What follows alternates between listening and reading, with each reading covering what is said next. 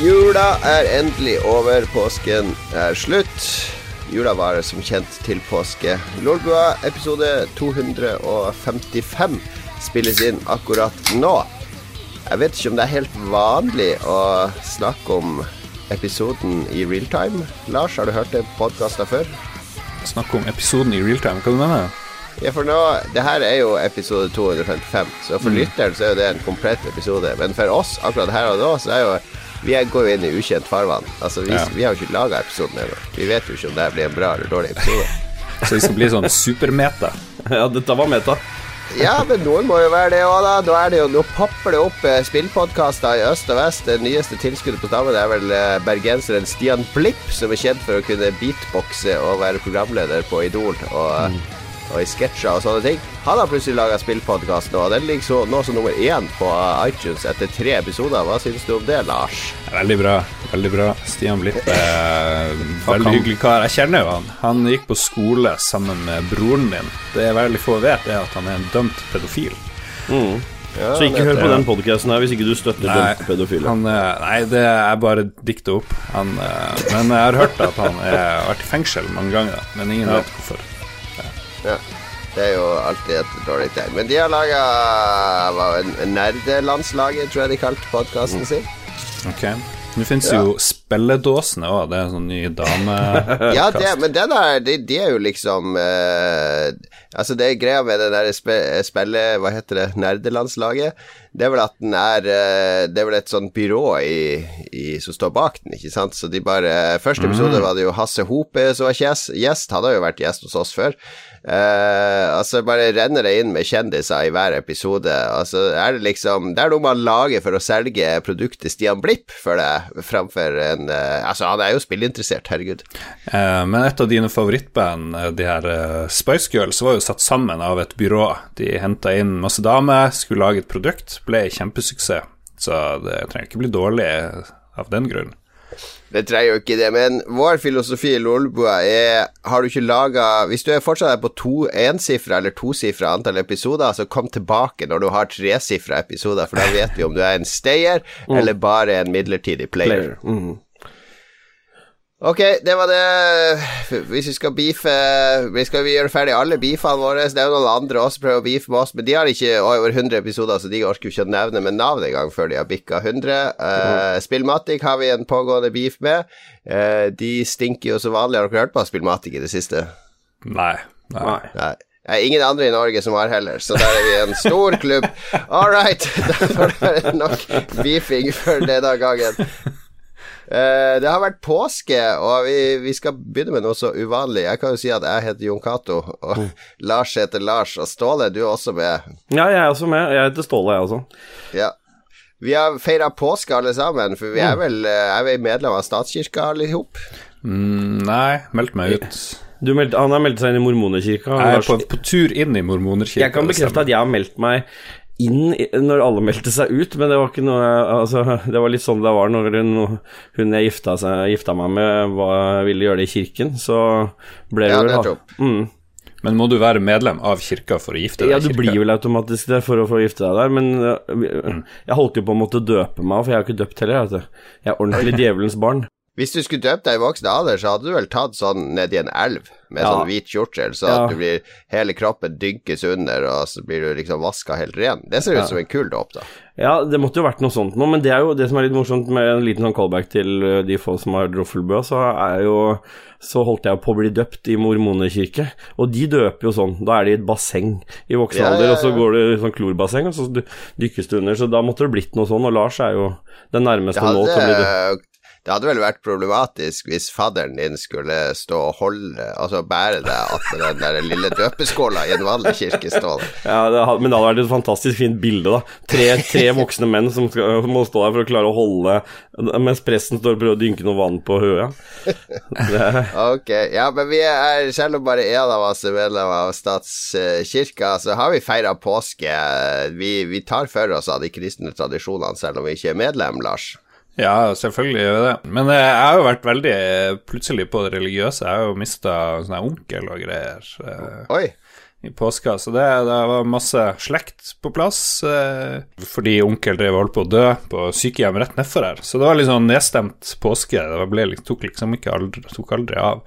Så plutselig gikk masse på morfin og bare venta på at skulle dø, og drev og jeg vet liksom ikke alt det medisinske, da, men det, det virka som om eh, onkelen min drev og sov i to døgn, og så bare døde han.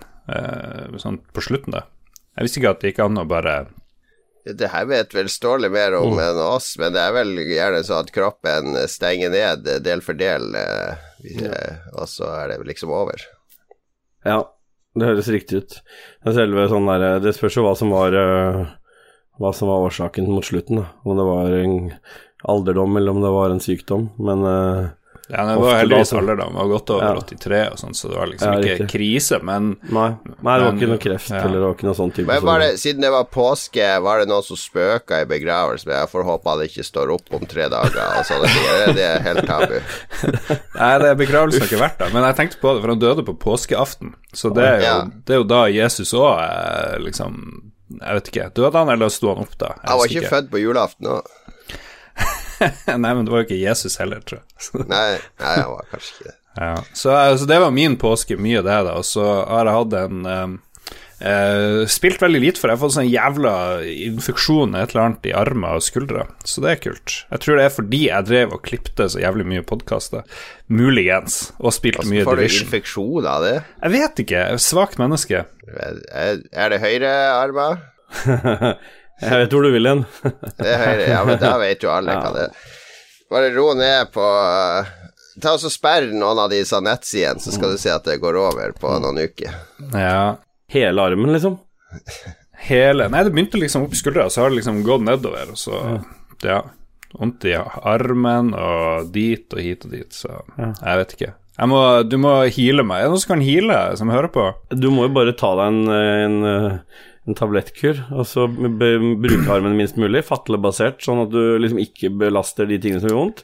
Og så Men har du, forva- du har ikke vært hos lege med det, regner jeg med? Nei, det har vært påske, da, så det er veldig lite Men da tar du Men, eh, 600 mg Ibux ganger 3 i noen dager, og så går du ned til 400 mg Ibux, og så lar du armen hvile mest mulig, og så ser du om det funker.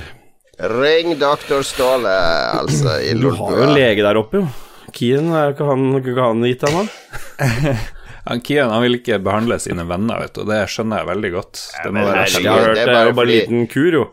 Ja, det, det er fordi han prøver å sette en sånn standard nå, for alle som er leger, vet jo det at alle venner og venners venner, de ringes ned på lørdagskveld. Ja, du, du skal du se, jeg gikk ned kjellertrappa, og så løfta jeg litt feil, og så det, det er jo Ja, men det er jo akkurat det samme hvis du kan data, så er det jo sånn der Du, du, hva er det da som skjedde? Hva er det som nappa ut en kabel? Og så nå har vi ikke internett her, og så må du liksom drive support med det, så alle har sin, sitt ekspert område. Men nå har du vært i Eller du skal i begravelse, Lars. Da syns jeg for husker vi snakka om det her før. Altså, jeg har jo min rangeringsliste over sånne Disse fire store eventene som man må dra i. Ja. Hva jeg foretrekker. Jeg har jo begravelse på topp, det er det jeg liker best. Eh, etterfulgt av er jo nummer to er konf konfirmasjon. Altså nummer tre er bryllup, og til sist er dåp. Ja, men Dåp er jo, er jo dra, drepen. Selv hvis du har barn som skal døpes, så er det jo drit. Altså, Ja. det er jo, verste er jo hvis du ikke har barn, for du må gjennom en sånn bunch av andre unger som også eh, du ikke har noe relasjon til. Ja, ja, ja. Vet du hvorfor jeg har konfirmasjon over bryllup? Nei. Det er fordi konfirmasjon er som regel ferdig i sånn fem, seks, Ja. syv-tida, så kan man dra hjem. ja. Mens det er bryllup, så er det forventa at du skal Å, skal du dra? Ja, skal du dra allerede Klokka er jo bare elleve på kveld. Skal du dra? Nå er festen har jo så vidt begynt. Ja, men vi har bryllupet har vært, og vi har spist, og da er jeg klar for å dra hjem. Ja, men hvorfor er, hvorfor er eh, begravelse øverst? Det er jo veldig trist. eh. Jo, men begravelse er eh, Altså, bryllup, det vet jeg jo ikke om det varer. Det kan være de er skilt et år etter. Eh, en unge som blir døpt, jeg vet jo Og hvor lenge han lever. Jeg vet ikke det, Jeg vet ikke, kanskje han blir Kanskje han- ungen blir en jævel, ikke sant? En kriminell, eller en narkoman, eller en voldsmann, eller noe sånt. Så jeg er ikke Det er greit å feire de der og der, både dåp og konfirmasjon, men eh, det er usikker framtid. Mens når jeg er død, det er veldig endelig. Det er sånn jeg reflekterer over det mennesket sitt liv og de minnene jeg har med det mennesket, og så putter det i en skuff der jeg har alle de jeg har vært i begravelse med. Jeg syns det er en veldig god følelse å avslutte. Det er som å avslutte en bok. Når du går i begravelse, da avslutter du det mennesket. Det er Dette veldig var deilig å bli mørkt. ferdig med Dette var mørkt. Ja. Uff, ja, men påske er tid for sånne refleksjoner, tror jeg. Ja, men jeg tror det har litt med at Fordi det blir jo ikke så mye mer trist ofte enn folk som er døde, men da blir også alt For det blir jo mye latter òg, ikke sant, og god, man minnes gode stunder og ditt og datt. For når ting er veldig langt nede, da, er det veldig, da blir latteren veldig forløsende. Ja, det Så- jeg vet ikke om det var så mye latter i Hitlers begravelse. Altså, jeg husker da han tok på den artige hatten. Husker du den talen der i, i München i 33? Og, Jeg husker Gubbel sitter og gråter, og jeg vet ikke hvordan det var med det. ok, da har vi vært innom både død og det morbide, pedofili, Hitler Vi har dekket over ganske mye de første syv minuttene. Ståle, hva har du dekket over i påsken? Ja, du, jeg på å vet du si? hva, jeg har jo vært så heldig at eh, jeg ikke har fått benytta meg av de eh, fridagene, for jeg har fått uh, jobbhelg hele langfredag. Jeg må bare si, etter å ha sett det programmet 113, så har jeg veldig respekt for uh, Jeg trodde ambulansesjåfører bare satt på sånn pauserom og så på TV, og så heiv de seg inn i en bil, akkurat som en brannmann. Kjørte og henta noen og dumpa de på sykehuset og satte seg ned igjen. Ja, nei, det var, men det er nok riktig oppfatning av tjenesten for 20 år siden, så det har skjedd mye. Ja. Men eh, ja, jeg har i hvert fall brukt på eh, påsken på Jeg jobba langfredag, påskeaften og i går, første påskedag. Og kjørte ambulanse. Og kjørte rundt på i ditt distrikt. Var nesten ja, hjemme hos så du var mm. utenfor nærbutikken min her. Ja, da, jeg var oppe og så ned på huset ditt. Men um, på lørdagen så hadde vi en eh, Men det som var det morsomste som har skjedd, var jo egentlig at vi hadde en sånn påskestream på lørdagen med, med meg og Lars, og vi streama The Forest med produsenten vår Kobrakar og Katarina. Og da fikk jeg til noe nytt som jeg ikke har eh, Da fikk jeg framprovosert noe i Lars som var helt nytt, eh, som skapte en litt sånn spesiell stemning i streamen i noen sekunder der. Fordi ingen av oss visste jo at Lars akkurat Det kan være at Lars var påvirka av eh, pågående dødsfall i familien, men det var jo ingen av oss som andre som visste, så etter å ha blitt friendly fire av meg, for det fant jeg ganske fort ut at det var friendly fire i det spillet, det er jo noe av det første jeg tester, så har jeg en sånn Jeg vil påstå at jeg har en sånn type friendly fire Tourettes, der jeg hvis jeg finner ut at det er det, så er det det spillet handler om for meg. Så lenge jeg spiller med venner, så er det ingenting annet som er viktig enn å få tatt andre. Men jeg tror, når jeg tok Lars for femte eller sjette gang sånn permanent, så han måtte respawne oppi det flyet, da, da var det nok. Da Nei, nå, nå gidder jeg ikke mer, hørte jeg bare. Nå, en gang til, så, så slår jeg bare av. Jeg, me, jeg mener det. Og da var det Og så ble det litt sånn stille i streamen, der vi alle egentlig skjønte at nå var det seriøst alvor. Og så prøvde jeg å bortforklare dem at jeg skulle bare teste ut en ting på å se om jeg kunne spise Lars, men det gikk egentlig ikke gjennom. Og da etter det så var det ikke så mye friendly fire, egentlig. Jeg, jeg tok det bedre til meg. Men jeg fikk sett en ny side av den vennlige, snille Lars, der han Hva skjedde her, Lars? Det er ikke så, jeg har jo vært gjennom de verste lidelser med deg i eh, raid på Destiny og sånne ting, der man egentlig har lyst til å skjære over pulsårene, og der er du alltid den positive som Ja. Ja. gomler i deg litt skolekritt og baconsvor og sier 'Kom igjen, karer, nå tar vi det'. Ja, nei, men det, det Ståle er jo mest plagsomme person etter meg sjøl, tror jeg jeg vet om. Så det var Når jeg ble øksa ned bakfra igjen, liksom, og det Uff, ja. Nei, det var av en eller annen grunn, så klarte jeg ikke Men da fikk jeg jo på en måte De som ikke har sett den streamen, bør jo på en måte gå inn og se den hvis den er tilgjengelig. eh, Fordi mm, Ja, den ligger på YouTube. jeg fikk jo igjen eh, Det ble jo Du tok jo igjen på meg når vi skulle ha påskequiz. For jeg har hørt fra flere at eh, det var egentlig jeg som burde vært vinneren av den påskequizen. Men jeg fikk jo masse minuspoeng for ting og sånn. Ja, jeg kjørte påskequiz eh, mot slutten av streamen, og du fikk selvfølgelig Hvis du svarte feil, så fikk du minuspoeng. Hvis du svarte rett, så fikk du ikke et helt poeng engang. Så det var eh, helt rettferdig, syns jeg. Justice for all. Ja. Jepp. Jeg har vært på Halsnøy som vanlig i påsken. Eh, Jeg var ekstra tidlig i år fordi jeg skulle ha undervisning på Sunnhordland folkehøgskole, og så jobba jeg i to dager fra vårt uh, feriehus, eller et sånn ombygd naust som er i hver påske der. Uh, og der har jeg egentlig slappa veldig mye av. Uh, jeg har sett eh, Jeg slappa så mye av at jeg har sett eh, 22 er det vel episoder av Paradise Hotel Norge. What?! Come on! Come on! Det er påsken sin. Nei, jeg har en uh, niese, eh, hun heter Jenny, som hun er 20 og noen år, og hun bruker å se det med faren sin. Det er en sånn greie de har. Og når hun prater om Paradise Hotel, så høres det veldig spennende ut. Så tenkte jeg nå har jeg sjansen, nå har jeg masse fridager, uendelig med fritid.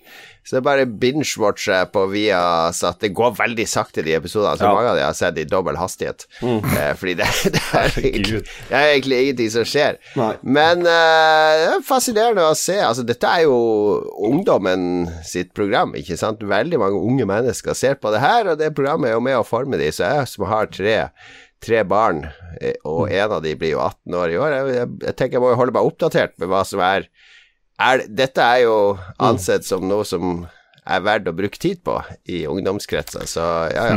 Men det jeg ble overraska over, var jo hvor ekstremt bevisst de er på at det er bare et spill. Altså, det er jo ikke Det er jo noen som blir forelska, og noen som blir manipulert og sånne type ting, men det virker, de har sånn distanse til det at det føles jo ikke ekte i det hele tatt, noe av det. Eh, alt bare tolkes i ja, hva blir konsekvensene av dette, hvordan endrer spillet seg. Det er, de sliter veldig med den gjengen som er i år, virker det som, med å få få de til å engasjere seg. Og så er det ei fra Nord-Norge med ei som heter Sofie eller noe sånt, oppe fra Finnmark et sted. Sofie Elise. Nei, hun heter Ikke Sofie Elise, men eh, hun hun har jo hele Hun har jo styring på hele huset, da. Hun er ganske oppegående på det spillet, men herregud, så provoserende hun er. De hadde en sånn Dubai-uke, der det liksom kom en sjeik på besøk, og hun bare 'Jeg skulle gjerne Jeg drømmer om å bo i Dubai. Det er et herlig land. Det er utrolig fint hvis du er, lever av Instagram og YouTube og kan lage så mye fint der', og Så var det noen som prøvde Jo, men det er jo sånn der kvinneundertrykkende og litt sånn der eh, Det er jo ikke noe paradis. Så, ja, akkurat de tingene bryr ikke jeg meg så mye om. Så man blir jo litt provosert. Og så var eksen til Sofie Elise var med, en som heter Robin, en sånn der uh, svenske Disse svenskene har jo nå begynt å leve av å være på realityshow, for han hadde vært med på Ex on the Beach og Love Island Sverige, og nå uh, Paradise Hotel Norge. Og ei anna svenske òg med, som hadde vært med i to sesonger av Paradise Hotel i Sverige, og nå prøvde seg i Norge. Så det her er jo tydeligvis levebrødet til, til enkelte folk nå, da. Men han der Robin, han svenske, det var han som hadde banka opp eh, en politimann på byen og en dame, og hadde lagt ut noe sånn hevnporno mot Sophie Elise. Sittet i fengsel et par måneder. Skikkelig god kar. jeg trodde han skulle være helt motbydelig, men han var jo Egentlig hadde jeg litt sansen for han, men du så at han hadde det lå et temperament Det hadde du vel. Ja, Nei, han hadde Jeg vet ikke hva jeg skal si. Jeg, men det er, eh, nå må jeg jo se resten av det, dessverre, siden jeg allerede har begynt. Nå du kan du jo ikke kritisere noen for noe som helst eh, resten av ditt liv, faktisk. Ja, men at du må, jo, du må jo dykke ned i dritten hvis du skal kritisere dritten. Altså, Du kan jo ikke sitte på gjerdet og se noen bilder fra Paradise Hotel og kritisere det. Da må du jo dykke ned i det. Så nå er det all rett til å kritisere det. Men jeg har lært mye om det, da. For eksempel en uke i Paradise Hotel er bare fire dager, har jeg skjønt. Eh, Er du for eller mot pedofili, da? nei, det er jeg helt imot. Så det har du prøvd skikkelig godt ut, og det måtte vi dykke ned i for å finne ut av om det er har du noen gang snakka med noen som er pedofile? Nei, ikke som jeg vet. Nei. Det var bare det poenget at du må, må prøve ting før man kan kritisere det. Det var det som var ditt poeng. Ja, må i hvert fall sette seg inn i ting. Du, før, før du skal gå ut og lynsje av naboen som er pedofil, så kan du i hvert fall prøve å sette deg inn i hvordan det er han prøver å takle og leve med den Ja, han setter seg nok inn i mange òg, han, men uh, Velkommen til Logoa pedofili spesial. spesial. Ja, ja. Eh, Rolf Helge Øvergård Ingebrigtsen lurte på hva Lolbua-redaksjonen gjorde i påska. Vi har snakka om pedofili, eh, Rolf Helge. Eh, har det vært brettspill og øl? Skiturer, Kvikk Lunsj? Ja, det har vel Er det noen som har gått på ski? Nei. Nei, det er jo så fint vær her i, på Østlandet, så her er det bare dummeste jeg vet. Hver påske, det dummeste jeg vet, når det endelig er blitt vår, så skal folk opp i fjellet og gå på ski. Ja, da vil jeg ha vår, ja. Ja, jeg vil også ha Mm. vår. Jeg har fiska torsk. Jeg gikk en tur på ski, men det var jo ikke sne der du har vært, Jon Cato. Du var jo på sånn sørlandskysten. Jeg gikk en tur på ski, så fikk jeg kjempevondt i armene, så lot jeg være. Det er skigåinga som har gjort det. Kanskje det. Mm. Du kan gå på jetski uten staver.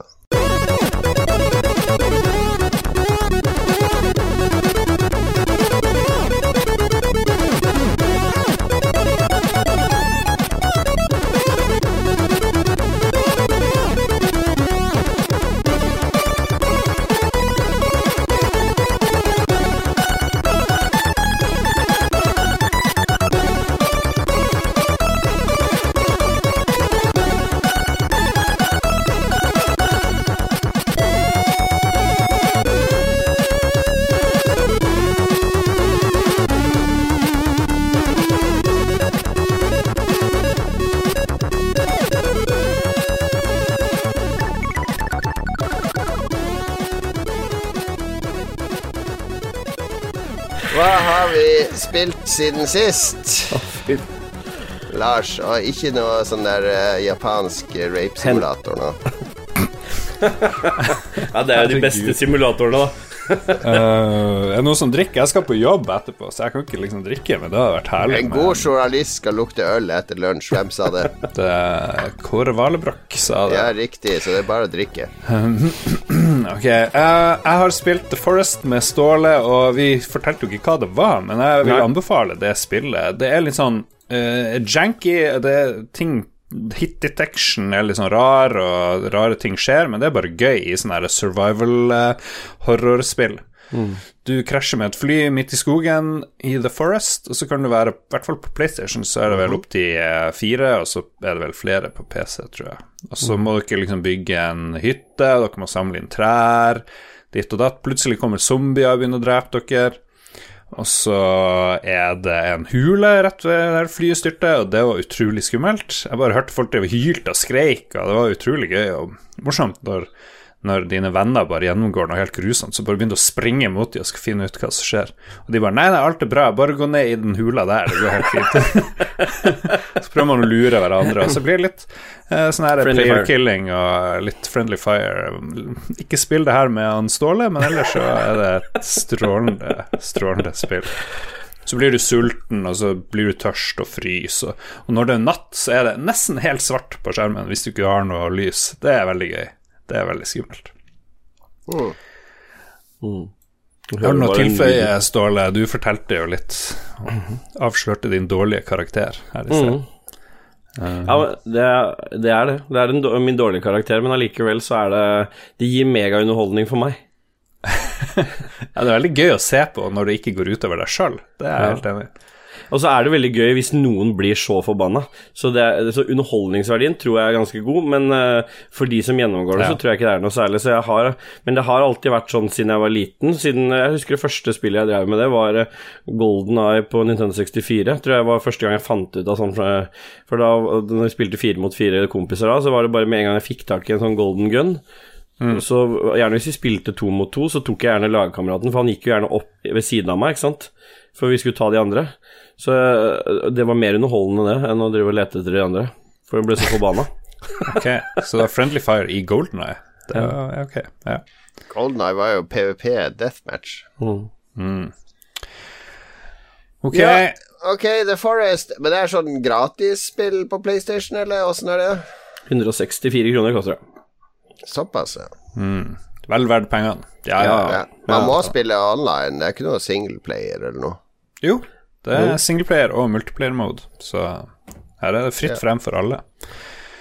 Så vi burde nesten streame det mer, fordi vi, vi kom oss et lite stykke. Vi kom ned til stranda der, hvor vi skulle begynne å samle inn skilpadder for å rengjøre vann. Jeg vet ikke hvorfor du bruker skilpadde til å Ja, å samle opp, det vann. sk- Skallet til skilpadden skulle brukes for å, å være sånn vannoppsamler, fordi det vannet som var allerede tilgjengelig, det var litt sånn uh, forurensa. Så når vi drakk det som vi fant rundt på øya der, så var det forurensa, så vi skulle bruke det skilpaddeskallet. Men vi gikk jo for å bygge liksom de mest grasiøse tingene med en gang, da.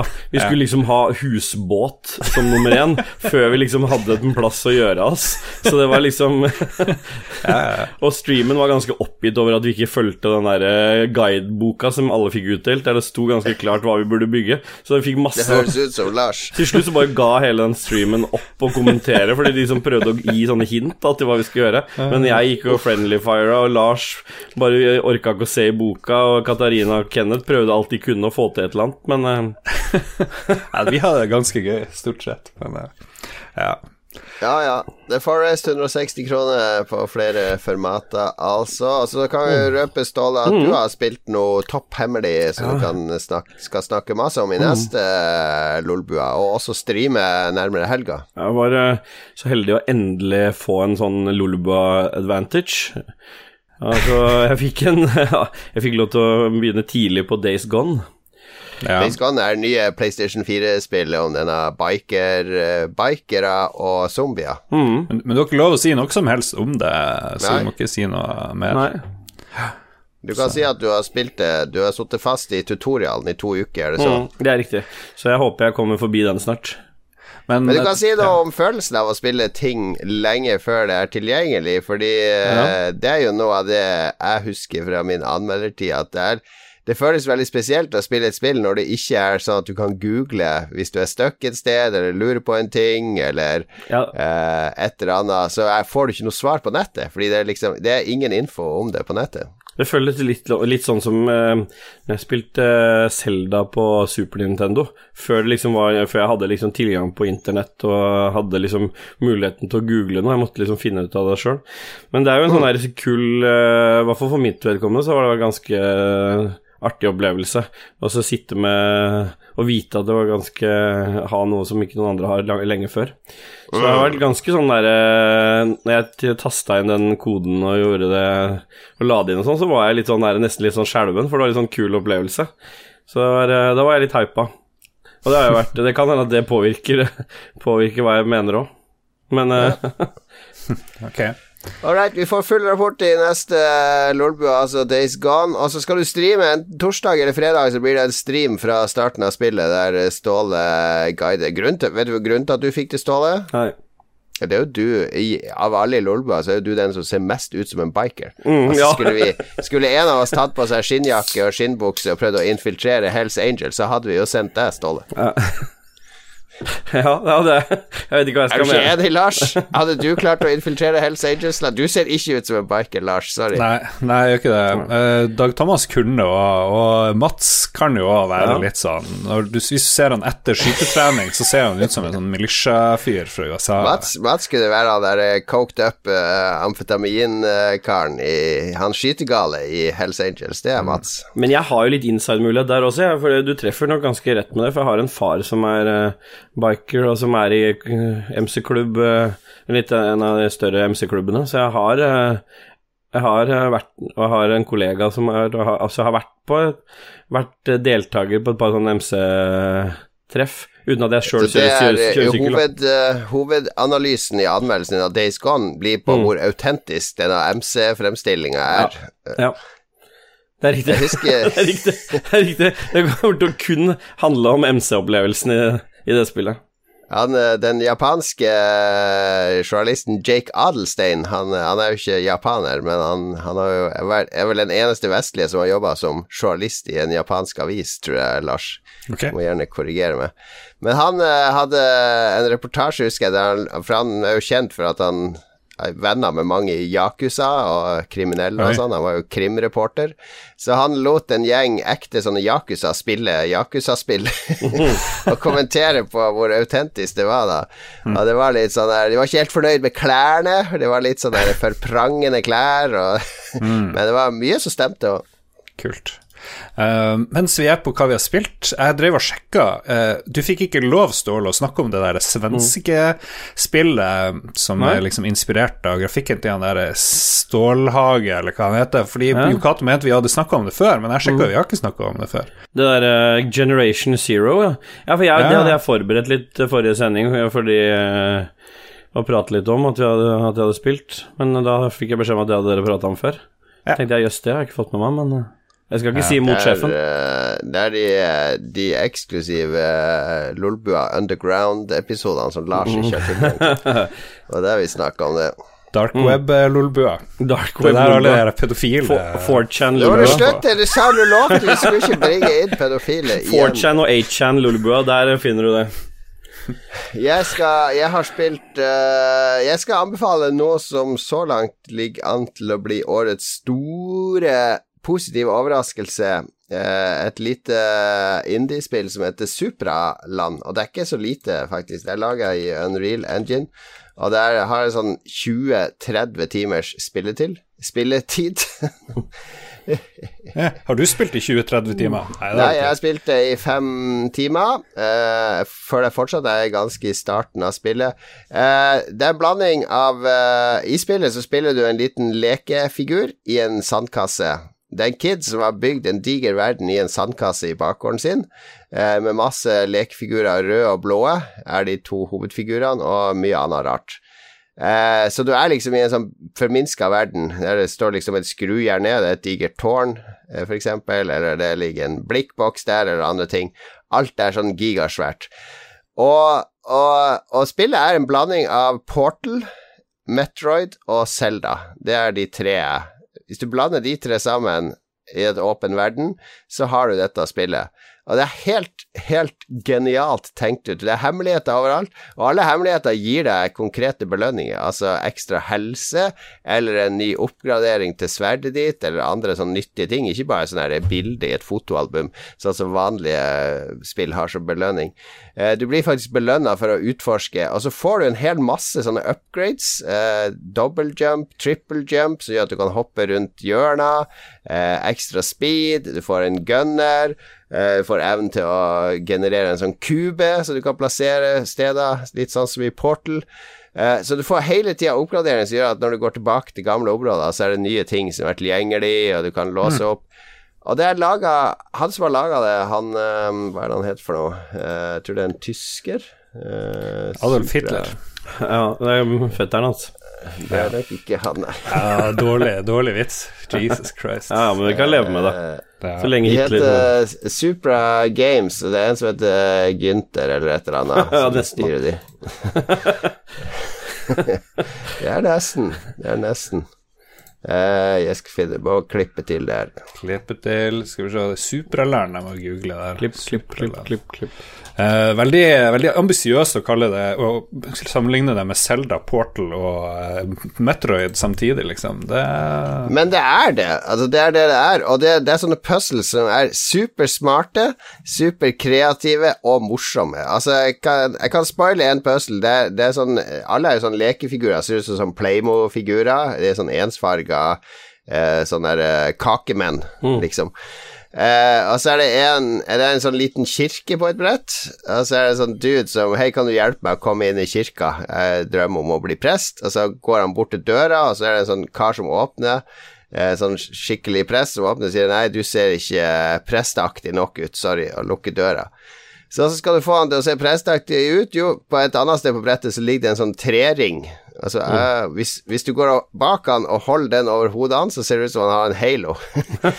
så du følger etter han til den døra, og den så sier han ja, den, den uh, haloen din ser litt sliten ut, så da må du gå opp til sånn malemaskin, og så må du male den gullfarga, og så kan du gå og holde den bak han, og da slipper han inn i kirka. Det er bare ett eksempel på uh, en eh, puzzle Og masse fysikkpuzzles, masse dører som skal åpnes, og eh, elektronikk som skal kobles, og Det blir liksom mer og mer komplisert jo lenger du spiller, og så bruker du alt du har funnet om en annen. Så er eh, Altså, per nå så er vel en ratinga på Steam på sånn 98 eller 99% tror jeg. Uh, han John Walker som ga seg Rock Paper Shotgun, og derfor jeg kjøpte det, for han sa det her er det beste jeg har spilt i år, og i fjor, sa han. Så ja. han, uh, han, ga seg med en i, det, i Rock Paper Shotgun med en av de varmeste anmeldelsene han har gitt til et spill. Så jeg sj sjekka det ut, og det er, det er helt strålende. Det, er, uh, det, føles som et trippel A-spill samtidig som det er ganske indie. Det ser helt fantastisk ut. Jeg sitter og ser på noen bilder her nå. Det ser jo utrolig kult ut.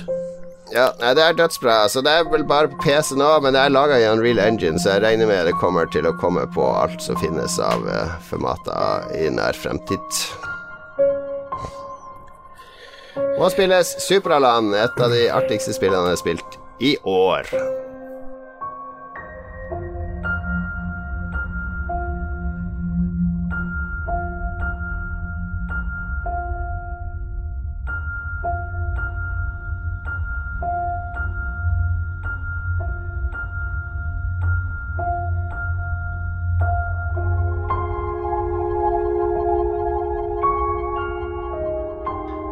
Da er det spillnyheter. Uh, vi, det er jo store nyheter på hardware-fronten, har jeg skjønt. Og vi lar jo vår uh, søring mm. uh, ta seg av nyhetsopplesninga. Sånn mm. gjør vi alltid her. Mm. Har det vært en nordnorsk nyhetsoppleser i Dagsrevyen, Lars? Ja, hun der Hun er jo fra Målselv eller noe sånt. Hun som før var sportsdame. Nå er jo Dagsrevy-Berthe. Hva heter hun for noe? Hvem da? Målselv? Er det i Nord-Norge? Indre Troms er jo fra Bardu, Bardufoss-trakta. Hvem er det du snakker om nå? Det er, sier meg ingenting. Skal jeg liksom begynne å google det nå? Blir en veldig bra Mye klipping her. Skal vi se Ja, men en, men ekte nordnorsk dagsrevyen så må det være sånn Det har vært ei trafikkulykke i Trondheim. Det har vært mange som har Jeg dødd. føler de henter inn nordlendingene ofte når det er noe de vil ha kommentert på en litt sånn sinna måte. Ja, hva syns du om økte bompengepriser? Ja, det er svarte helvete! Da det er det ofte da de henter inn nordlendingene, føler jeg. Hun heter, hun heter Ingrid Stenvold. Hun var før sportsjournalist. Nå er hun uh, i Dagsrevyen, og det er lagd en egen sak på det. Ingrid skaper språkbråk fordi hun fikk lov å snakke målselvdialekt i Dagsrevyen, og det var jo veldig Jo, ja, er hun fra Troms? Det er jo sånn Mo i Rana-dialekt der. Nei, hun er fra Lenvik i Tromsø. Ja. Lenvik. Ja, ja, klipp bort uh, tullet her. Ok, vi har uh, alltid da vi har nyheter Vi har kun nyheter med når vi har en søring med, fordi da må søringen lese opp uh, Mats er reservesøring. Men vi trenger ikke Mats i dag. Ståle, Ja. har du nyhetsstemmen klar? Jeg har nyhetsstemmen klar, men jeg, har, jeg, liker, jeg liker å prate litt løst om det, eller vil dere ha direkte opplest? Nei da, prat. eh, Ja. Gjør det på din måte. Ja. Gjør det på din Ta Ja. eierskap over det her. Jeg tar eierskap over det. Fordi vi har tre nyheter. Vi pleier ofte å legge oss på tre nyheter. Uh, vi er ikke noe sånn utprega nyhetspodkast sånn sett, så vi tar de tre som interesserer oss mest. PlayStation 5 ble presentert i forrige uke av systemarkitekt Mark Cerny i Wired. Uh, SSD-disk, Ryzen 2, Navi, PSVR1 funker fortsatt. Kompatibel med PS4-spill. Det er liksom Right. de eh, tingene Er det Lars som har skrevet denne Eh, det er riktig, det er derfor jeg eh, presenterer den så dårlig. Men Mark Sturley fra PlayStation, han som sto bak PlayStation 4, han har begynt å Noen har fått i han et par glass Tequila. Mm, og så har han fått til å prate. I, I magasinet Wired så har de begynt å prate om PlayStation 5.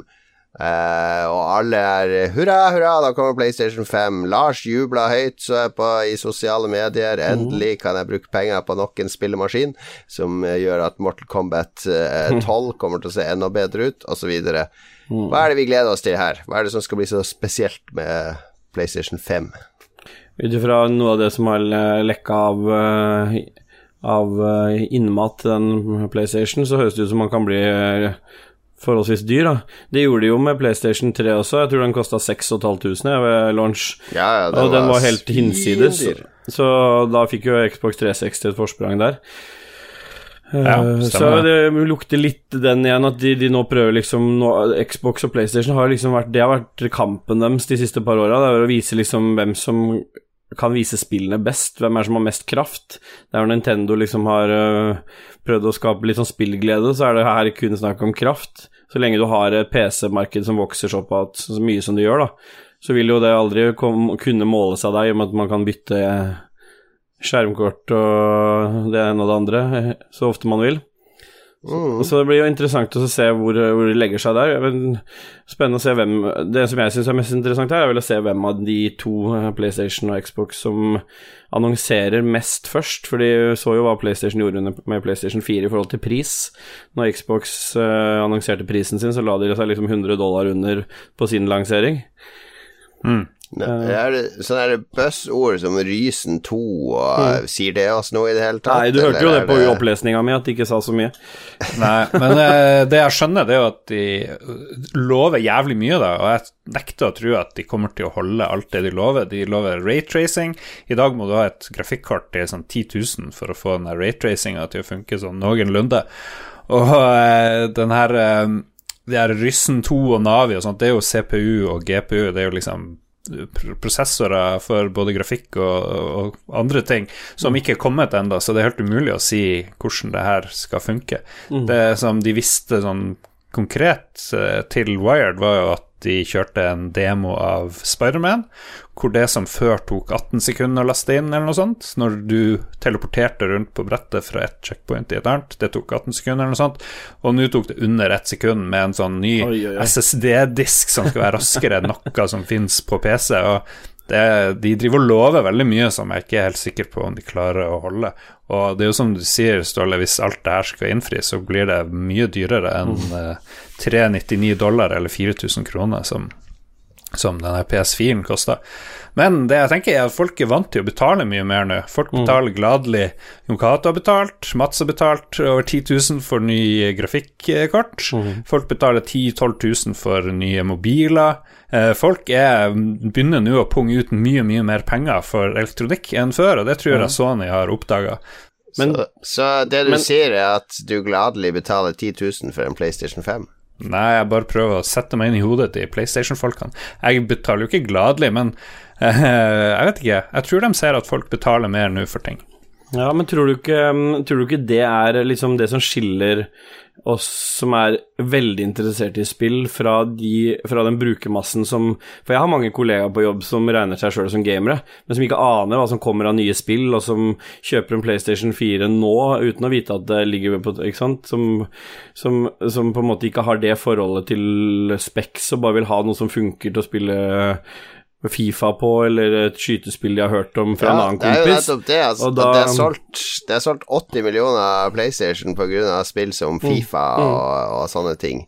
Fordi det er en enorm Masse foreldre. Altså, jeg Mm. kan jo ikke bruke 8000 på en spillkonsoll til ungene mine.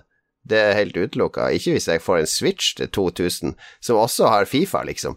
Som er en fullgod Fifa. Det ser ikke så bra ut som på PlayStation 4 eller 5, men hvem bryr seg om det er rate-racing på en fotball, eller, eller ikke? Altså, skjønner du hva jeg mener? Det, Jeg tror ikke konsollene bør gå den hvis de, skal, veien. men hvis de går for en hardcore brukergruppe, så er allerede de borderline PC-spillere. Mm.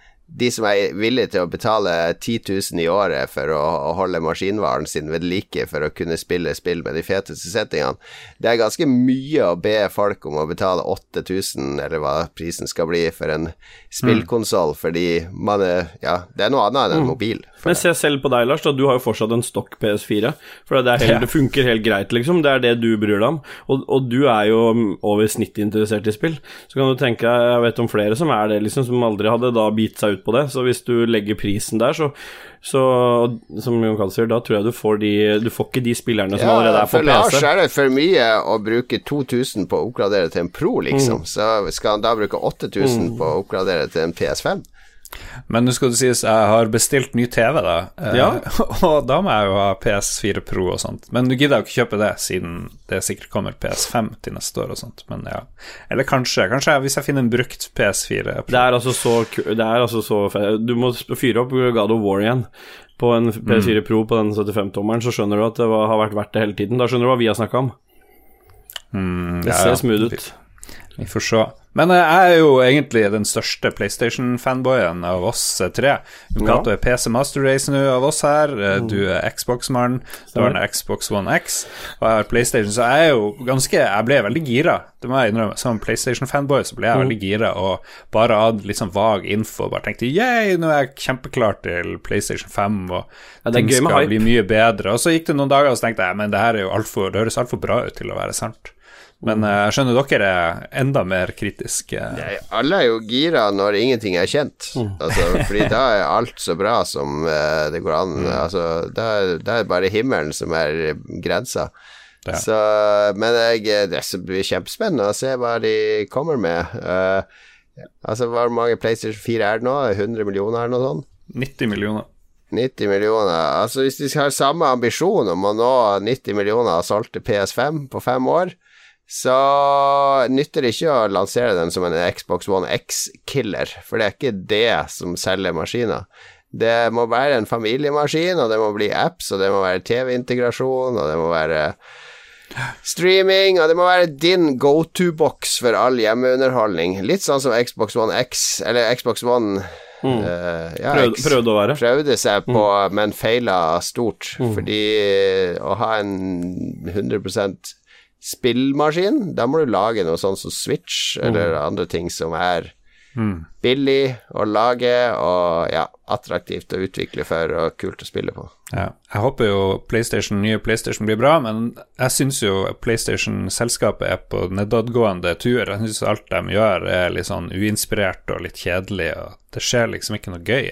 Alle de folkene jeg likte i selskapet, de er litt usynlige eller borte nå, så jeg frykter det verste, da, men håper det beste. Men tror dere det blir noen store endringer i Kommer kontrolleren til å bli veldig Ja, annerledes? det kan jeg kommentere noe på, for det tror jeg absolutt ikke. Den eneste gangen de har gjort noe litt kult hva gjelder design på kontroll, det var med PlayStation 3. Før, da var de første ryktene som kom ut om den, da ble det et bilde sluppet av den bananforma kontrollen. Ja. Som egentlig så utrolig kul ut, spør du meg. da, da var, det, det husker jeg som et sånn hype-element for meg. Men så det så mye, ble det så mye støy rundt det, så de endra den. De gikk jo til og med ut og sa at de ikke kom til å gå for det designet, og så ble det en litt uh, fornya utgave av PlayStation 2-kontrolleren.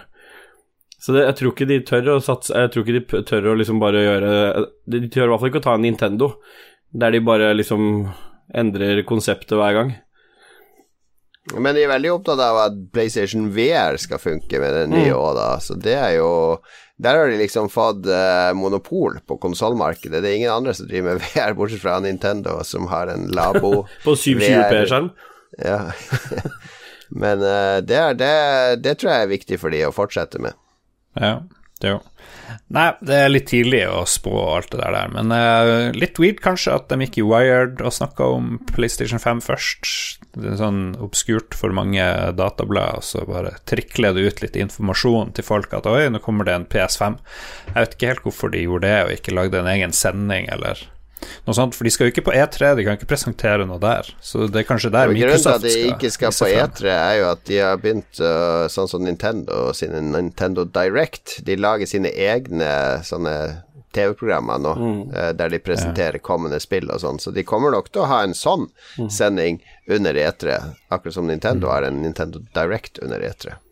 Ja. Er det noen som har sett? Det har jo vært én sånn PlayStation Direct-sending. Jeg har ikke sett Det var ikke sånn inspirerende. Nei, det er Det var uh, ikke noe Nintendo-schwung over den. Gi meg en write-up any day enn å la tvinge meg til å se en halvtimes video. Det var et par, par nye kjappe nyheter til. Det er eh, Netflix sier at The Witcher TV-serien kommer på slutten av året. Uh, og da stiller jo spørsmålet kan serien fylle tomrommet etter Game of Thrones.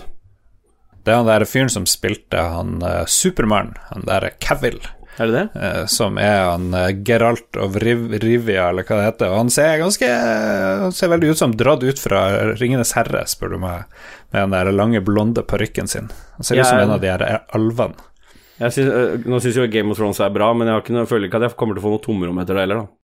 Jeg lurer på hvor høyt budsjett det blir. Nå er jeg jo vant til sånn sinnssyke budsjett på TV-seere etter å ha sett uh, hva det heter Star Trek Discovery, eller hva den heter, den nye.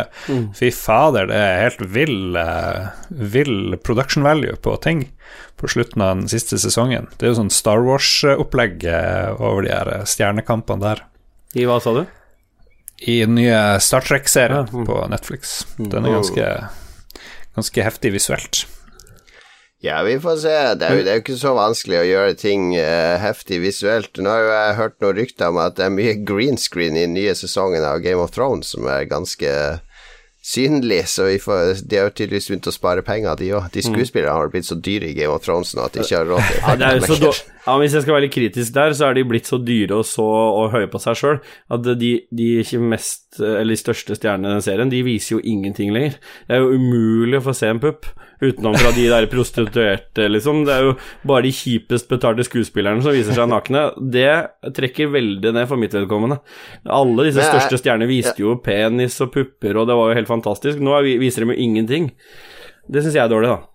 Men apropos Witcher, jeg leste jo på uh, hardtimes.net at det har vært store produksjonsproblemer under, under innspillinga av The Witcher, fordi han Henry Cavill eh, han driver og hele tida tar imot sånne sidegigs eh, som en del av sin method acting. Har dere hørt det? Nei.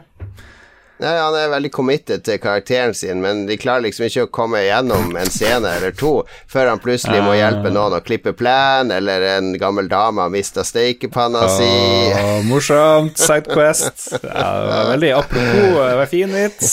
Fin vits.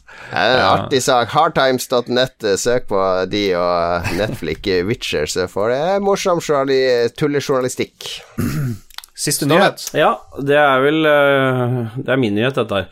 For Microsoft har eh, akkurat hatt en sånn Inside Xbox-event, der de lanserte en hele, sin første heldigitale konsoll. Det vil si det er en Xbox One S, kalt uh, Xbox One S All Digital. Som da eh, eneste forskjellen på det designmessig fra en vanlig One S, er at den har uh, De har bare rett og slett tatt bort uh, den CD-romspilleren, hva heter- kaller vi det på enkelt? Norsk? Bare tatt bort uh, Blu-ray-spillet. Inngang til uh, optisk media. Inngang til optisk media, ja, riktig. Det er det de har tatt bort. Det gjorde de en liten sånn der presentasjonsvideo av, da, at de satt og grubla fælt og lagde sånn halvmorsom video på at de grubla fælt hvordan de skulle designe en heldigital. Og så var det én luring som fant på at de bare deleta den CD-rom- eller Blu-ray-delen, og så var det ferdig. Vet du ikke hva, hvis jeg skulle lage min egen Jeg ba folk i Entourage om å designe sin egen uh, konsoll. Mm. Hvis jeg skulle designe min egen, um, ved siden av å ha eh, funksjon for å spille Amiga og Commodore 64-ting, skulle det være uh, påbudt med optisk uh, eller sånn her lese, fysisk medieleser. Det skulle ikke vært lov å laste ned spill over nett. Du må kjøpe alt i butikk. Uh, og så kan du få, kan kanskje få oppdatering og sånn via nettet, men absolutt alle spill må du eie fysisk, fordi da kan du selge dem videre. Og da kan vi ta, dem, ta vare på dem til ettertida. Fordi nå når du har sånn som den nye Xboxen uten noe diskettstasjon eller CD-leser, så er det jo Tenk om ti år når vi skal liksom Å, husker dere det gamle PlayStation 5-launch-spillet? Nei, det er borte. Det er liksom Vi kunne bare laste det ned. Det eksisterer Ja, ikke. jeg, hører du, jeg hører hva du sier, men eh, levetiden på en CD-plate er jo eh, bare en viss antall år, og det gjelder jo på Blu-ray også. Eh, digitalt så er det jo den beste måten å lagre ting på, foruten om vinylmediet, som også har ganske lang levetid hva gjelder før det liksom går i stykker. påpeke, må påpeke her at Lars, eh, som jeg trodde var en miljøaktivist, han skal nå Det slippes 600 spill hvert døgn. Han skal nå at disse 600 spillene skal trykkes opp på kassetter og disketter og eh, CD-romplater og sendes i containere på kryss og tvers over hele verden. Uh, og forurense en masse. Dette var skuffende, Lars. Skuffende. Ja, må du ta den der uh, falske skuffetheten din uh, trø den opp et sted. Nei, okay. digitalt, Det er issues med digitalt, men de fleste klarer det. Spillene blir jo konservert så lenge det ikke er online-spill. Det er jo det som er problematisk å konservere. Men det kom jo også Jeg så det var litt sånn eh, Det var, var en artikkel som ble skrevet, det har vært litt sånn forumdebatt rundt det å ha heldigitale konsoller i forhold til monopol på spill og kunne sette de prisene man ønsker på spill. Men jeg tror det er ganske løsbart ved at har, så lenge du har flere konsoller som, som også har eh, digitalt spillsalg, så vil jo da til slutt forbrukeren velge den konsollen som selger har de laveste Ja, prisene jo- på spill. Jeg Det har du jo på telefon òg. Altså, du er jo avhengig av å kjøpe ting på Android Store eller, eller Apple sin butikk, så Ja, men det, sånn er det jo. Når du går digitalt. Mm. Once you go digital, you never go anal. Og, Oi, eller noe sånt. Analog, ja. ja. Kom til Lolbua for de beste analysene. Sånn er det. Ja, det var dårlig analyse i dag. Jeg, skal ta, jeg tar det på min kappe. Men jeg likte det med anal eh, Ja, Analog. analogen. Ja. Nei, men fuck heldigitale konsoller. Det skulle ikke vært forbudt. Så du er ikke positiv til Stadia? Eller Stevia? Eller s- Nei. Det er jo ikke noe konsoll, det er jo bare en tjeneste. Er du, fucker du digitale tjenester òg? Fuck, fuck mor di. Kan du ikke ta mora mi, for hun trenger det, tror jeg.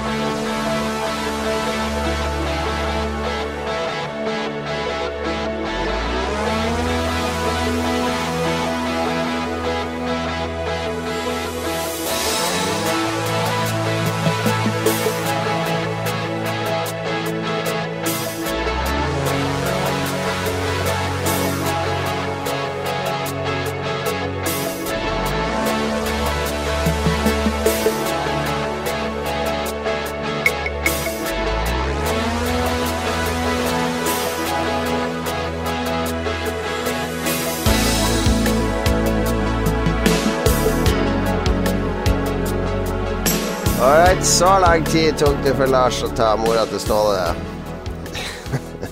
Nå er det anbefalinger. Nå er jeg spent på om Lars vil anbefale mora til. Nei, vi skal slutte det, det skitne sporet der. Ja. Vi har litt sånn herredominans i podkasten. Klarer vi ikke å finne en, eh, en dame som kan joine redaksjonen, så vi kanskje modererer oss litt bort fra pedofilivitsene og slibrighetene.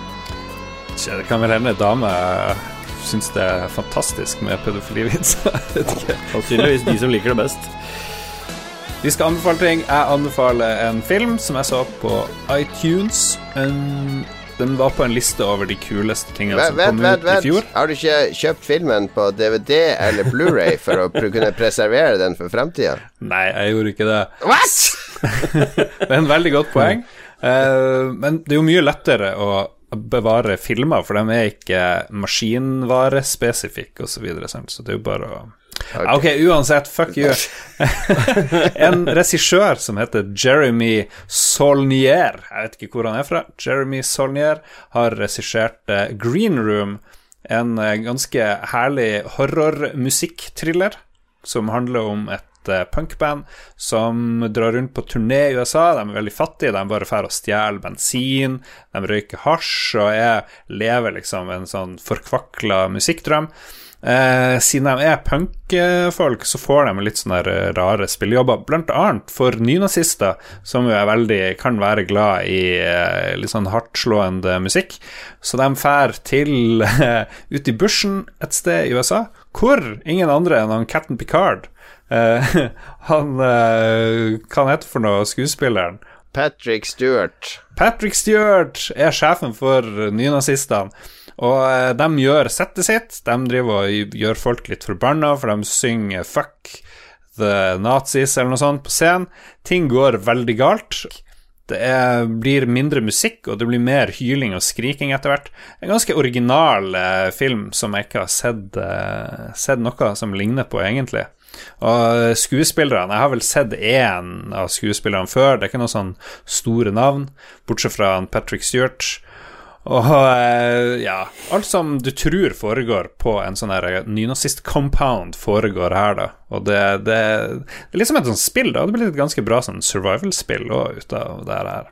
Skuespillerne Anton Jelkin, Imogen Poots, Alia Shawcat. Aldri hørt om noen av de her. Er du sånn sånn pornoskuespillernavn, egentlig? Og hvorfor er det ikke Netflix med Eller sånn Netflix-konkurrent med bare Hvorfor har ikke Pornhub en sånn streaming-abonnementstjeneste, egentlig? Herregud. Ja, men Er ikke det litt rart? De har masse sånne medlemskapsgreier for å få se det i HD, men de har liksom ikke noen sånn rendyrka streamingtjeneste som jeg kan få rett på Apple-TV-en min. Ja, jeg syns det er rart. så den uh, Men hva slags sinns Var du ute etter en horrorfilm når du skulle se det her, eller hva? Jeg ser nå filmen er fra 2016-ish. Ja, det var en sånn kan-kan-film i sin tid, tror jeg. Ja, nei, Av og til så dukker det opp sånne lister over filmer du ikke har sett, som du bør se, og da var den her en av de. Så bare ok, jeg og min Tok en kompis sjans. Jeg og min kompis eh, Kian tok en sjanse, og så kjørte vi på. Eh, veldig koselig. Mye bra vold. Åssen er det å se film med han Kian? Han er jo lege, har jeg skjønt. Er det sånn at han alltid kommenterer sånn der uh, Hvis det er noen som trenger førstehjelp eller bandasje, eller det er noen som blør og sånn, så er han sånn som sier Ja, det går ikke. Ja, jeg blør ikke sånn. Det skjer ikke hvis du kutter sånn.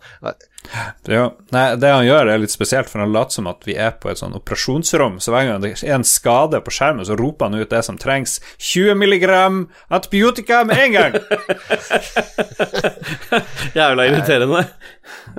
Så ja, sånn. Ok, ok. Det var altså The Green Room, anbefalt av Lars. Jeg har en breaking news her som jeg føler vi kan slenge inn, for jeg ser i kjølvannet av ehm, eh, Nei, drit i det. Det er, blir bare dårlig. Jo, kom igjen.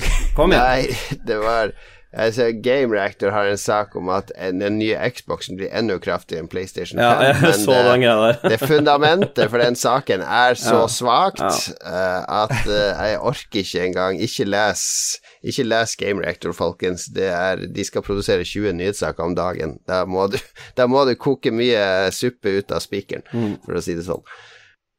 Ståle, du har også sett på Netflix. Ja, jeg håper ikke det har blitt anbefalt før, da, men jeg, har, øh, jeg og kona satt oss ned med noe annet enn øh, porno for en gangs skyld, og da fant vi Manhunt Unabomber på Den har jeg anbefalt før, så da Ja. går vi videre. Nei, vent, du likte det. Jeg har, tror jeg har anbefalt den før. Ja. Uh, refresh my memory, Ståle. Hva handler Manhunt Unabomber om? Eh, Nå har jo de fleste hørt om Unabomber, men for mitt vedkommende så kjente jeg veldig lite til den historien, så om hva, hva han gjorde, og hvor mange han tok livet av, og hvorfor han gjorde det. Så jeg vil ikke si så egentlig voldsomt mye om det, men det er en veldig interessant, spennende miniserie på åtte episoder, som liksom tar for seg liksom jakten på Unabomber, da, blant annet med bruk av FBI sin eh, Hva heter denne Den var vel en sånn profiler. A Profiler, ja takk, ja. ja. Og litt sånn Dette er jo på 90, midten av 90-tallet, så det er liksom bruken av profilere og hvor mye de er verdt i den, i den sammenhengen av å oppklare sånne ting, er liksom også en del av um, Og så det, tar det litt for seg han ene profileren, da, hvordan han på en måte jobber rundt med denne saken. Han, han, har, jo han, har, jo, han har jo tendenser, han også, som Ja, jeg skal ikke si så mye. Det jo, det, vi, skal ikke, vi skal jo ikke kritisere for mye av andres anbefaling, men uh, han der eh, profileren som er hovedpersonen, er jævlig emo. Fy faen, hvor Mm. Ja, emo han skal være. jeg, jeg, jeg er litt enig i det, altså. Men uh, jeg likte Jeg tror jeg likte serien så godt fordi jeg kjente overraskende lite til den Unabomber øh, Kaczynski Ja. eller noe sånt. ja. Ja. Jeg kjente veldig lite til hele den saken der, så da ble på en måte den serien veldig mye Men jeg er enig med deg at han hovedpersonen der, han er ganske emo og ganske lite likende til tider, men øh, kanskje han var det på ordentlig òg, hvem vet. Men den ligger nå i hvert fall Ja. tilgjengelig på Netflix nå, da, og fikk den anbefalt her, og jeg vil anbefale den videre, så Dere vet hvorfor det heter Uno, Uno Bomber? Det er jo fordi Ja. han elsker å spille Uno. Ja, det var det. For det er egentlig vrir. Uno-bomber. Uno. Ja. Så det var så vidt han skulle hete Yatzy-bomberen, for det var liksom nest favorittspillet hans. I Nord-Norges mest kjente massemorder er jo han uh, anusbomberen som plasserte kinaputta i rumpa på ofrene sine. Jeg trodde bare han hadde Med stor timer på, så når, hver gang politiet fant de, så sprengtes rumpa til uh, Ja. offeret. Det husker jeg godt. Han hadde en stor penis, ja, og så når han var, tok de bakfra, så Penisbomberen Ja. er en annen en. Å ja, ok. Herregud. Jeg skal anbefale Jeg tar en sånn prematur anbefaling, fordi Bosch sesong fem har akkurat dukka opp på Oi. HBO, så jeg så to episoder i går. Begynner meget bra. Meget sterkt, meget solid. Det ligger an til å bli en av de beste Bosch-sesongene, så eh, jeg skal se den nå denne uka, så kanskje blir det en helhjerta anbefaling neste uke. Men min egentlige anbefaling er jo den nye plata til eh, Chemical Brothers som kom nå rett før påske, som heter No Geography, der de har flere låter sammen med hun norske Aurora, blant annet. Eh, og de har eh, det, Nå har jo jeg fulgt Chemical Brothers siden eh, Siden Ja, nå var første gang vi oppdaga de, det var Wipeout på PlayStation i 96-95. Eh, jeg ser Lars har helt zooma ut nå. Nå sitter han bare og følger med på Twitch. her. Jeg ser jo på den vakre munnen og leppene dine som beveger seg. For meg i sakte film. Ja. Jeg eh, Det første jeg vi oppdaga Chemical Brothers, var vel i, i, i spillet Wipeout, så vi så kjøpte soundtracket til, og så begynte vi å høre på Exit Planet Dust, som var den første Chemical Brothers-plata. Eh, De lagde mye bra på 90-tallet, og så har det falt i De har liksom aldri nådd de høydene igjen. Mange av disse elektronikafolkene fra 90-tallet som fortsatt holder på, de er liksom en skygge av seg sjøl, føler jeg, i forhold til hva de produserte i sin høytid. Men dette albumet er det mest lekne de har laga siden 90-tallet. Du hører at det er en sånn lekenhet og sprettenhet i, i låtene. Eh, som de ikke har hatt på lenge, egentlig. Så jeg har hørt på det mye nå på Vestlandet når jeg har vært ute og jogga og hatt noen treningsøkter i skogen på Halsnøy. Så det har vært mitt eh, treningssoundtrack i påsken. Eh, veldig hyggelig plate. Chemical Brothers, No Geography. If you ever change your mind about leaving it all behind, remember, remember, Sjekk det ut. No Geography av Chemical Brothers. Eh, den eh, krimdramatiseringa av eh, jakten på Unabomber på Netflix. Manhunt Unabomber heter den. Og til slutt, hvis du er interessert litt punk-rock-horror, eh, prøv filmen Green Room, som var en eh, Cannes-film fra 2015. Birger Vestmo ga den annet terningkast seks. Oi, oi, oi. Fire punkere er på tur gjennom USA sin sørstater, der de spiller sin aggressive musikk overfor et stort og variert publikum. Veldig bra. Har du sett? Ja, For jeg trodde alltid han Birger Vestmo, det tror jeg jeg nevnte før. Jeg hørte han på radio mange ganger, jeg tror alltid han var sånn der eh, veldig høy og hengslete fyr, hørtes han ut som. Og så møtte jeg han på eh, Bergen filmfestival, så var han jo sånn liten hobbit. Sånn der rund tønne Oi. som drev og vagga rundt. For en skuffelse. Ja, det er veldig rart det hvordan man har stemmer. Tenk tenk hvis noen har hørt 200 episoder av Lolbua og aldri sett oss på ordentlig. Vi har slags bilder Det skulle jeg hatt et eksperiment. Hvor tegn en, en flink tegner som aldri har sett oss i virkeligheten, skal høre to episoder, og så tegne oss når han tror vi ser ut. Vi kan få noen blinde til å tegne oss.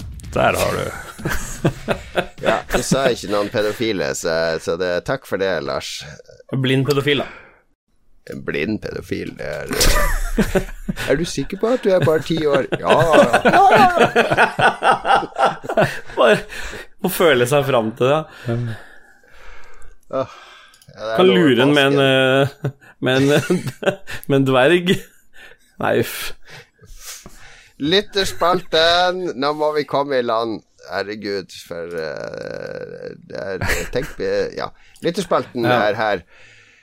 Lars sin favorittspalte. Endelig kommer lytterne til ordet. Og Har de bydd på seg sjøl denne gangen, Lars? Er det noen eh, vittige innspill? Noen uh, artige observasjoner? Noen finurlige kommentarer? Eller noen spenstige dilemmaer de har til oss? Absolutt. Hver uke før sending så ber vi jo folk komme med innspill til hva vi skal snakke om. Det kan gjerne være et enkelt tema.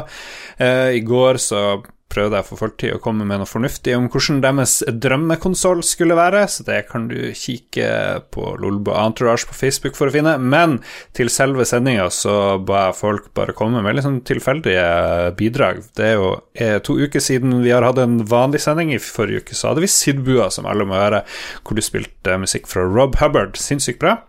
Mm. men nå så bare lot vi det være åpen post, og der har Torbjørn Prøys Skau, vår eh, jeg skulle si arkitekt, men han er arkeolog, arkeologvenn oppe i Finnmark.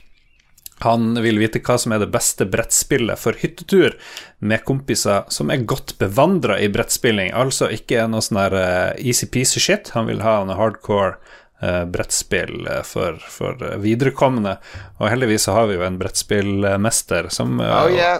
Som ofte er i eh, Essen, på sånn brettspillkonferansen osv. Vet ikke, har du, hva er siste nytt fra tyske brettspillnerder? Ja, jeg står da her direkte inne på Essen, eh, Varehalle, Stumpfebrunfen, Kalle Strasse. Und eh, jeg har eh, Nei, det blir bare dumt.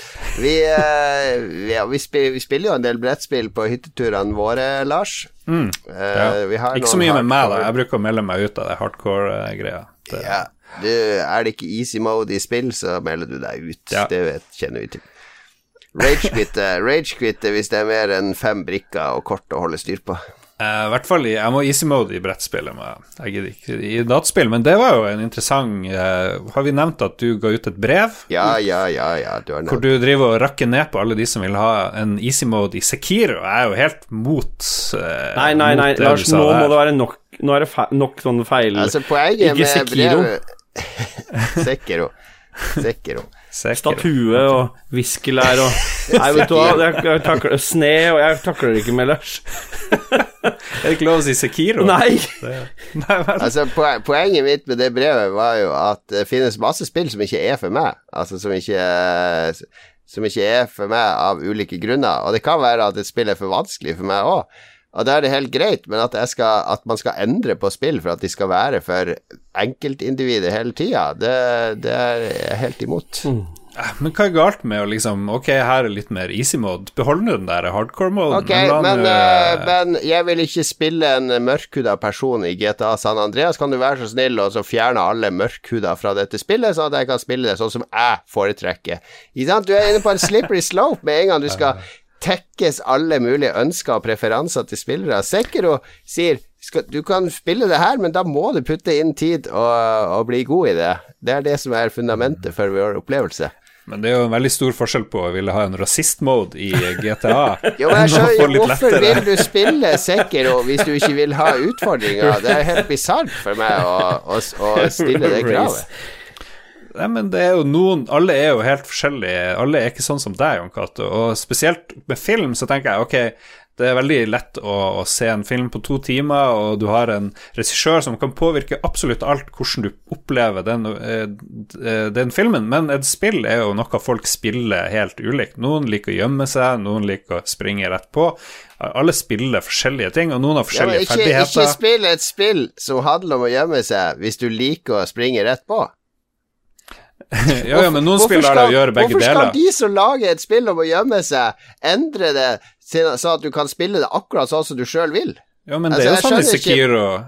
Sekiro. Jeg skjønner ikke Du kan gjemme her. deg Ja, men du kan gjøre det i eksempel sånn som uh, Witcher. Da kan du færre spille mer stelte, eller du kan gå rett på.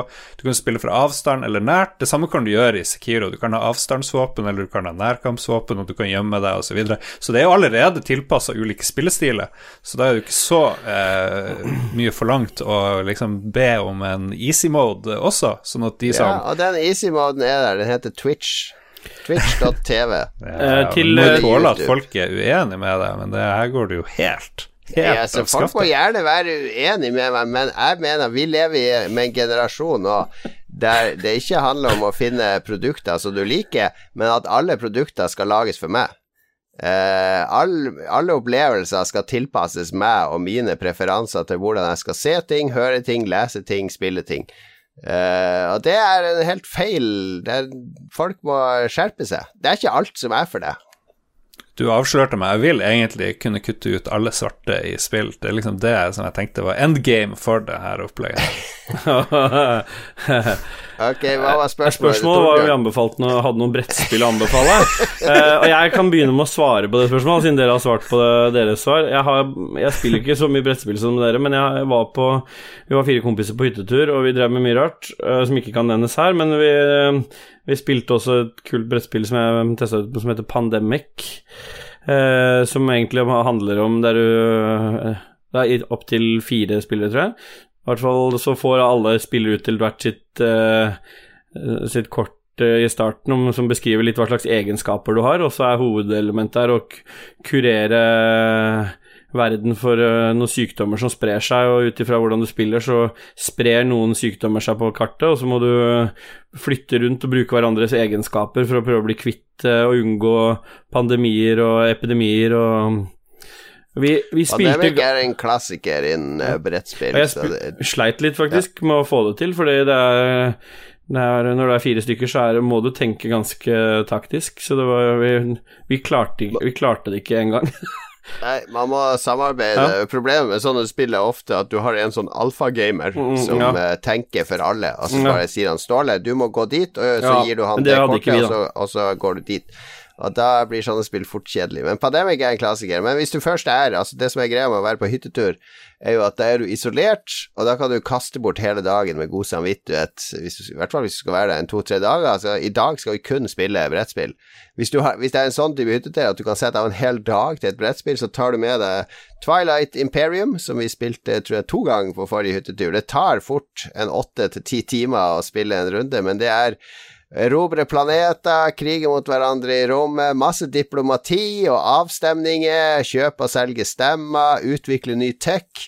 Det er liksom alt som Civilization-spillene de har, eh, med noen kule raser som har forskjellige abilities og Veldig mye intriger. Det kan Det er litt kjedelig hvis du blir hengende etter i starten og liksom aldri ligger an til å vinne, men da kan du jo da kan du gjøre deg verdifull ved å sitte og gi stemmer til de som kjemper om å vinne, og kjøpe deg fordeler. Så det er masse intriger og moro. Jeg tror du så det spillet, Lars. Det var det som vi brukte hele spisebordet på, med romskip og komponenter. Kult. Jo da, så, det så veldig gøy ut. Eh, Trond Sinfor Borgersen han ser nå på VH1 Hits Don't Lie. Han ser faktisk på TV. Eh, men det er ingenting av det her som er hits. Er det noen låter i dag eh, som vil bli huska om 20 år i tid? Er det noen hits fra i dag som vi kommer til å huske? Jeg vet ikke, jeg er jo altfor gammel, jeg har allerede glemt. Jeg vet jo ikke hva hits var for ti år siden, så eh, jeg sliter allerede med, med det der. Tyvärr. Hva er, jeg vet ikke hva som er hits i dag. Ståle, du som er oppdatert. Ja, nei, jeg er ikke oppdatert på hva som er hits i dag. jeg oppdager masse, fortsatt masse nytt uh, fra 60-tallet, så Det, jeg vet ikke Jeg, jeg kjør, hørte jo den kuleste låten fra i år. Altså, jeg liker jo Chemical Brothers-plata godt, men eh, den Kjartan Lauritzen-låten Gameboy syns jeg er utrolig fengende. Den har vi hørt mye på i bilen. Det er sånn kryssgenerasjonslåt, for der kan jeg høre på teksten, eh, smarte lyrics om Gameboy og nerdekultur. Altså, kidsa elsker jo Kjartan Lauritzen. Altså, nå sier jeg kidsa, men min 17-åring og de, alle de kjenner jo til Kjartan Lauritzen, som var et ukjent blad for meg. Det er ung eh, gutt fra Bergen, jobber med Store P osv. Alle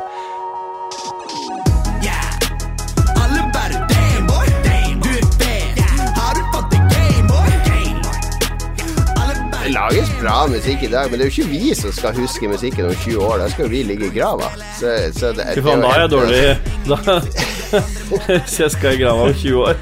Faen, da har jeg gjort noe gærent. Ja, du er et unntak her, men vi er jo Det er jo ikke oss 40-åringer som skal definere hva som skal huskes om 20 år. For det er ikke vi som nå er på fest som 18-åringer og danser til eh, Tix med shotgun og Kjartan Lauritzen med Gameboy, og som drar disse fram som 40-åringer og mimrer. Å, husker du den gode gamle tida? Det var ikke veldig bra musikk når vi var unge heller. Jeg tror ikke noen av våre foreldre syns musikken på 90-tallet var mye å skryte av, eller hva, Lars? Ja, det stemmer det. Jeg driver og kikker på VG-lista topp 20 her. Øverst Lill Nas X. Aldri hørt om. Ja, det, for det, den har jeg hørt. Det er jo, han er jo sånn sosiale medier-konge. En lang artikkel om han der de analyserte hele han på Twitter. For han har holdt på på Twitter i mange år som en talsperson for uh, tror jeg hun der Nikki Minaj. En av Ja. hennes army der, og starta masse Flame Wars. Altså, den låten der klarte han å få inn på countrylista til Billboard, så så kasta han på huet og ræva ut, for det er jo sånn der uh, moderne rap. Men høres litt ut som country. Jeg mener det er country, så det ble kasta på huet og ræva ut, og så tok Miley Cyrus, tror jeg, eller en eller annen, og spilte den inn på nytt som en mer ekte countrylåt, og da kom den tilbake på countrylista. Så det er, det er en veldig omdiskutert låt, og den kjenner også kidsa i dag. De liker den. Mine barn har hørt den mange ganger. Faen, det er du som er oppdatert. Helt ukjent for meg. Helt ukjent for meg. Ja. Den låten hadde du likt, da. Ja. Eh, Jeg skal sende deg Ja, gjør det. Gjør det. Skal jeg høre på den. I got the horses in the bag.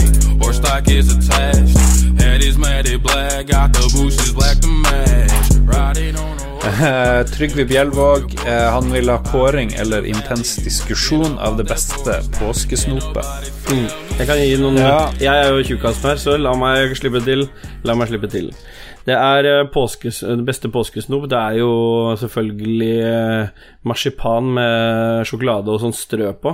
Men ikke for tjukke sånne Helst de der posene der, der de er bare en 3-4 cm lange. Disse her eh, sånne små For da er det sånn perfekt blanding av sjokolade og marsipan og så der eh, fargestrø på toppen.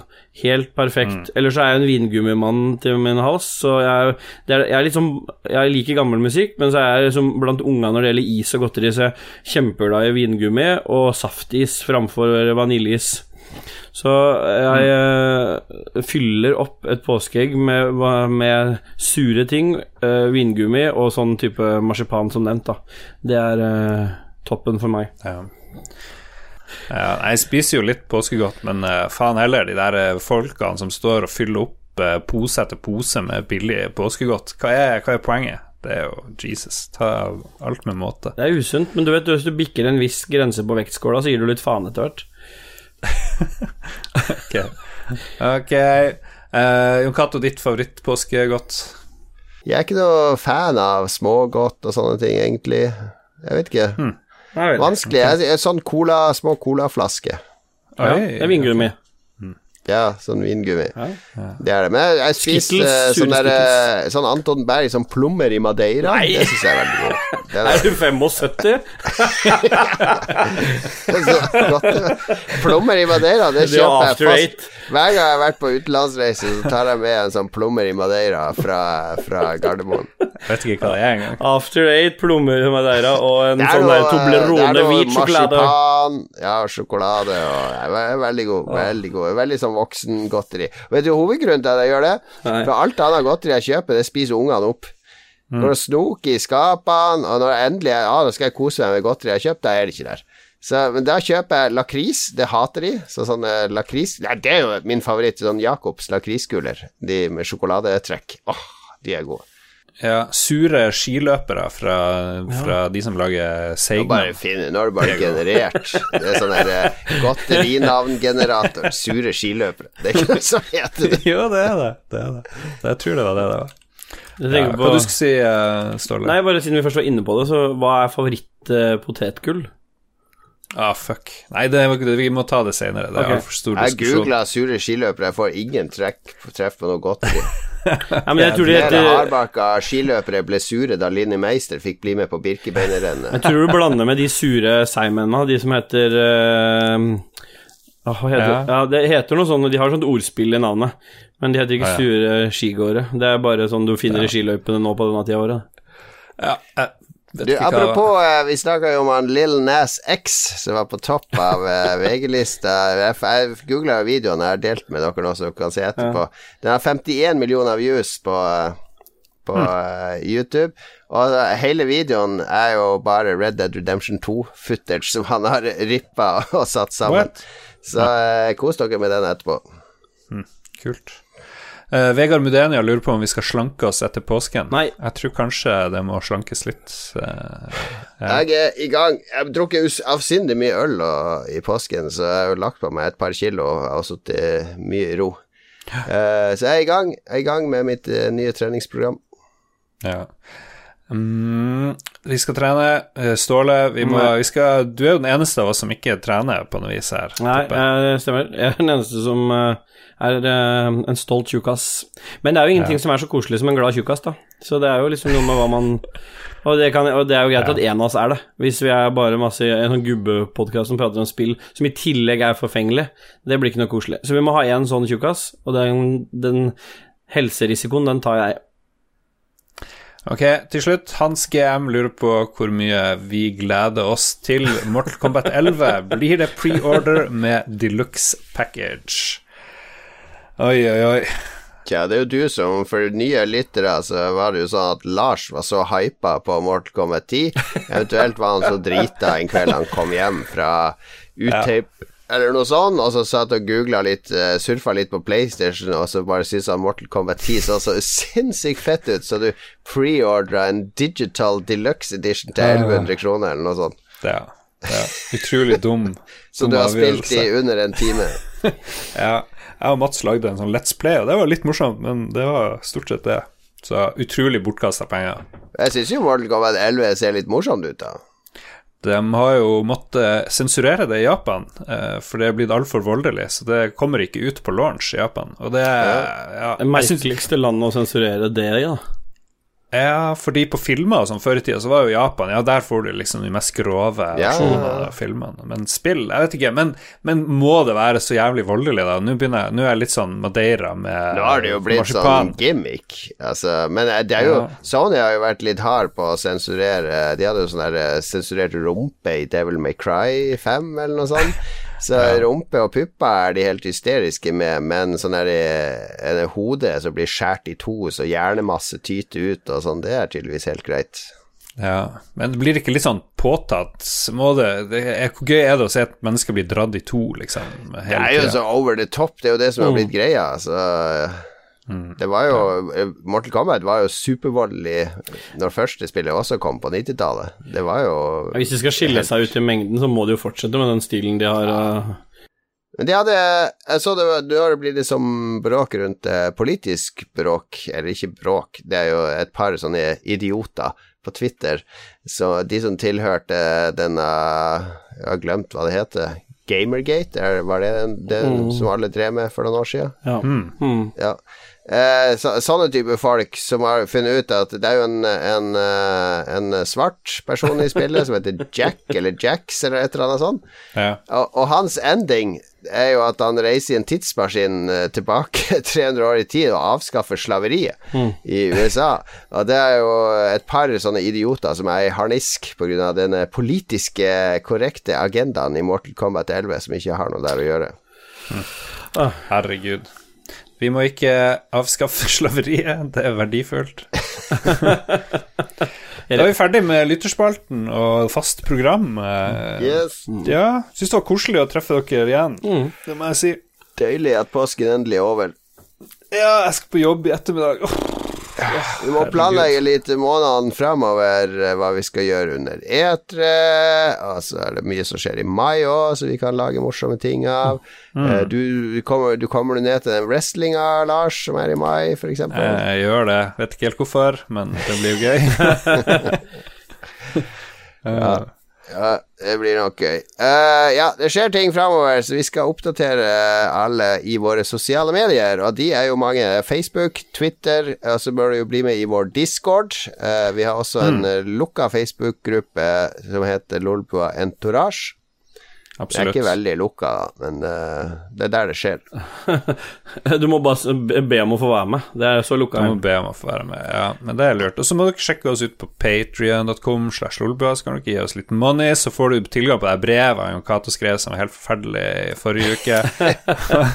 Ganske dårlig.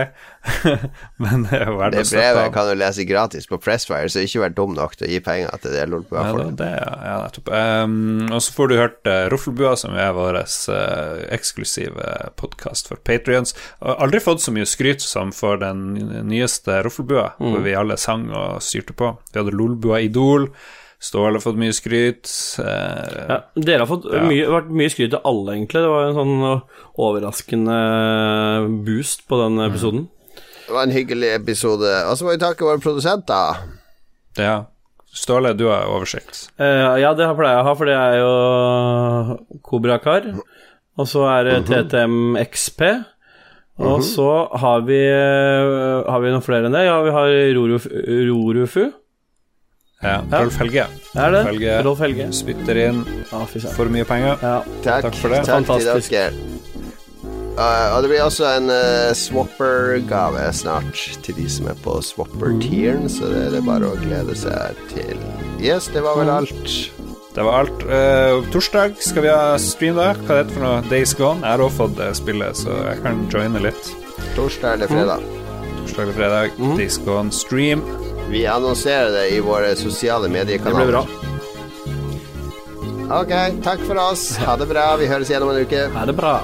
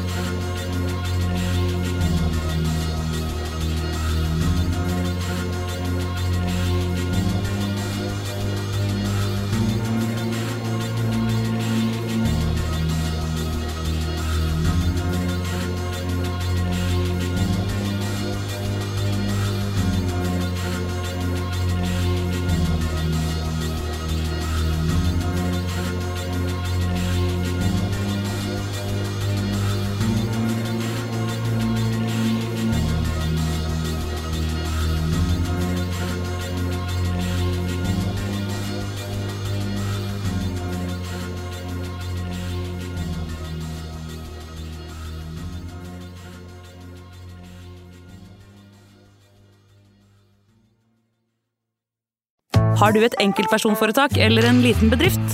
Da er du sikkert lei av å høre meg snakke om hvor enkelt det er med kvitteringer og bilag i fiken, så vi eh, gir oss her, vi. Fordi vi liker enkelt. Fiken superenkelt regnskap.